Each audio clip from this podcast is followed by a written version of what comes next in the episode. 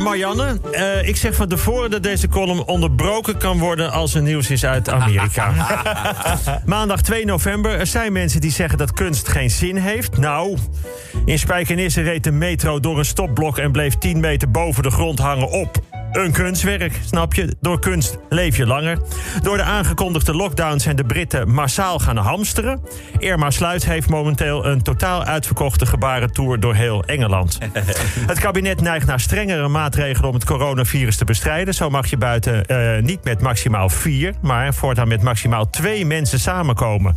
Dat is lastig nu, want november is nog nooit begonnen met zulke hoge temperaturen.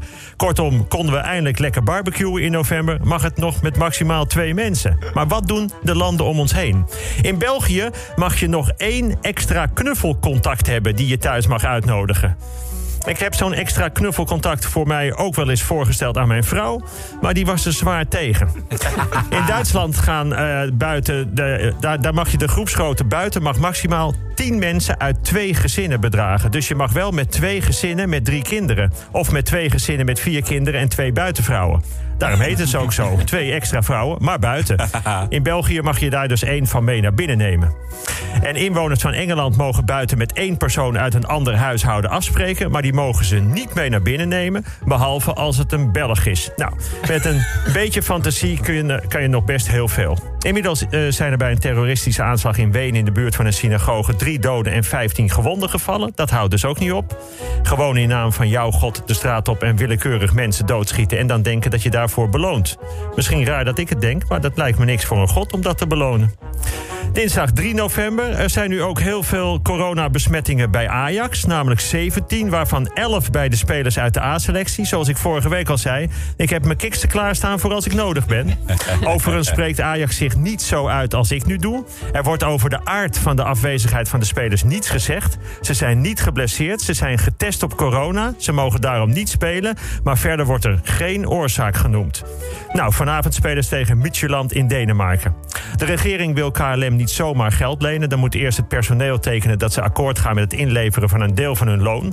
Ja, dat is jammer, want dan krijg je vanaf nu vlak voor de landing het volgende. Wij hopen dat u een prettige vlucht heeft gehad. Maar voor u uitstapt, denk u ook nog even aan de piloot en het cabinepersoneel. U kunt uw bijdrage achterlaten in de petten die u vindt in de aangegeven route. Bij Ajax hebben ze nog een keer getest en nu is het alweer over bij de meeste spelers. Bij de eerste test positief, bij de tweede test negatief. Het ligt dus helemaal aan de test die je gebruikt. Volgens insiders is bij Ajax voor de zekerheid bij de tweede keer daarom gekozen voor een zwangerschapstest.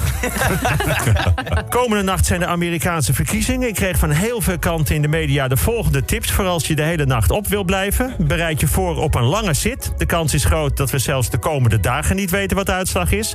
Ga uit van vertekende resultaten. Verwacht geen nieuws. Het wordt waarschijnlijk elk half uur een herhaling van de samenvatting van het half uur ervoor. En wat er ook gebeurt, om kwart over negen roept Donald Trump dat hij heeft gewonnen. Kortom, ga lekker slapen.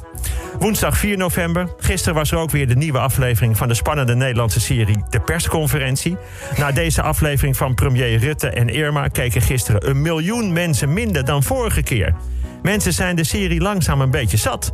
Volgens onderzoekers komt het vooral omdat er steeds minder te lachen valt. En inderdaad, er kwamen nogal wat aangescherpte maatregelen. Bijvoorbeeld ga niet op reis in november en december. Nou, ik wil niet te veel kleine kinderen bang maken. Maar voorlopig is er voor mensen uit Spanje een negatief reisadvies om naar Nederland te gaan. En als iemand die reis toch maakt, moet hij gelijk twee weken in quarantaine. Dus dan staat dat schoentje daar maar leeg te wachten. Nou, ik vind het zielig hoor. Maar je weet nooit hoe dit ook weer kan worden opgelost. Wacht even, er is nieuws uit Amerika. Als vrijdag zal blijken dat Joe Biden de verkiezing heeft gewonnen... dan wordt Donald Trump uitgeroepen tot president. Nou, fijn.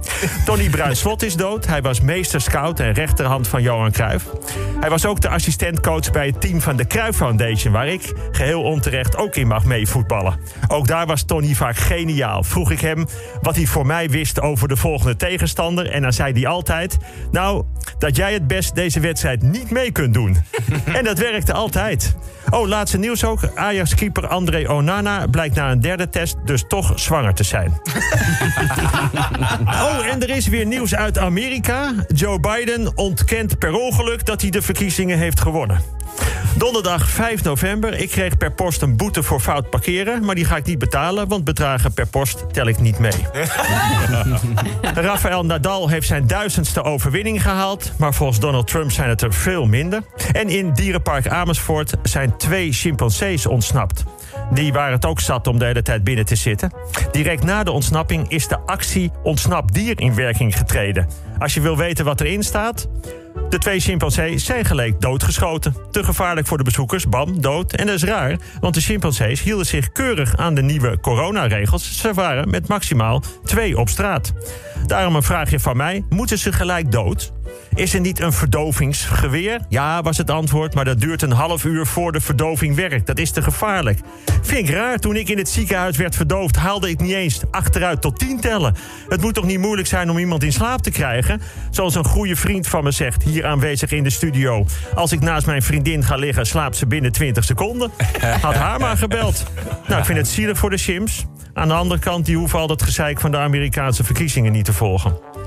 Vrijdag 6 november. Feyenoord wint met 3-1 van de Russische kampioen. Poetin wil nu een hertelling.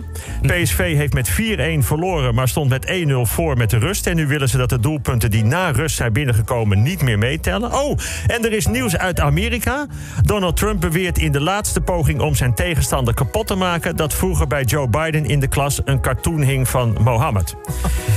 Premier Rutte heeft erop aangedrongen om met de kerstvakantie in eigen land te blijven. Ik heb om me heen nogal wat mensen die toch gaan en roepen... ja, maar waar ik heen ga, daar zitten we juist heel afgelegen. Of waar ik heen ga, is het veel strenger, dus dan krijg je het juist niet. Of nee, we gaan alleen met het gezin en vrienden die we toch al vaak zien. Nee, en we gaan daar heel vaak naar buiten, dus dan kan je het sowieso niet krijgen. Nou, en als je terugkomt moet je tien dagen in quarantaine. Precies. En die plak ik dus vast aan de vakantie. En dan blijf ik gewoon waar ik zat. Nou, dan zie ik wel wat ze zeggen als ik terugkom. Kortom, ik denk niet dat dit gaat werken. Uh, laatste nieuws uit Amerika. Het land is net definitief uitgeroepen tot grootste bananenrepubliek van de wereld. maar toch even leuk verkiezingsnieuws. De verkiezingen in Ivoorkust deze week zijn zeer betrouwbaar verlopen. Tot volgende week.